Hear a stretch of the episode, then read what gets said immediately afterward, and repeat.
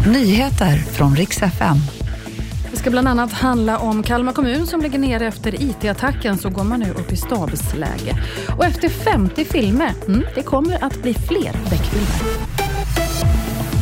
En svensk man med koppling till Foxtrot-nätverket har gripits i Kairo. UD har bekräftat att mannen är i 40-årsåldern och har gripits av egyptisk polis. Han ska ha befunnit sig i Finland och är misstänkt för narkotikabrott och tog sig senare till Egypten. Det ska alltså ha varit finsk polis som begärde att han skulle häktas. Enligt uppgifter till Aftonbladet så är det en man från Uppsala som tidigare dömd för bland annat narkotika och trafikbrott. Kalmar kommun har utsatts för en IT-attack och hela kommunens nätverk ligger nu nere. Därför går kommunen upp i stabsläge och enligt kommunikationschefen så är det en rysk hackergrupp, Akira, som ligger bakom. Det här är alltså samma grupp som är bakom attacken mot Tieto Evry, där flera svenska företag sedan tidigare är drabbade. Kalmar tar nu höjd för att det här kan pågå ett tag, minst en vecka. På fredag den här veckan då är det premiär för den 50 Beck-filmen. Nu har också Walter Skarsgård gått ut och bekräftat att japp, det kommer att bli fler filmer som bland annat Expressen skriver om.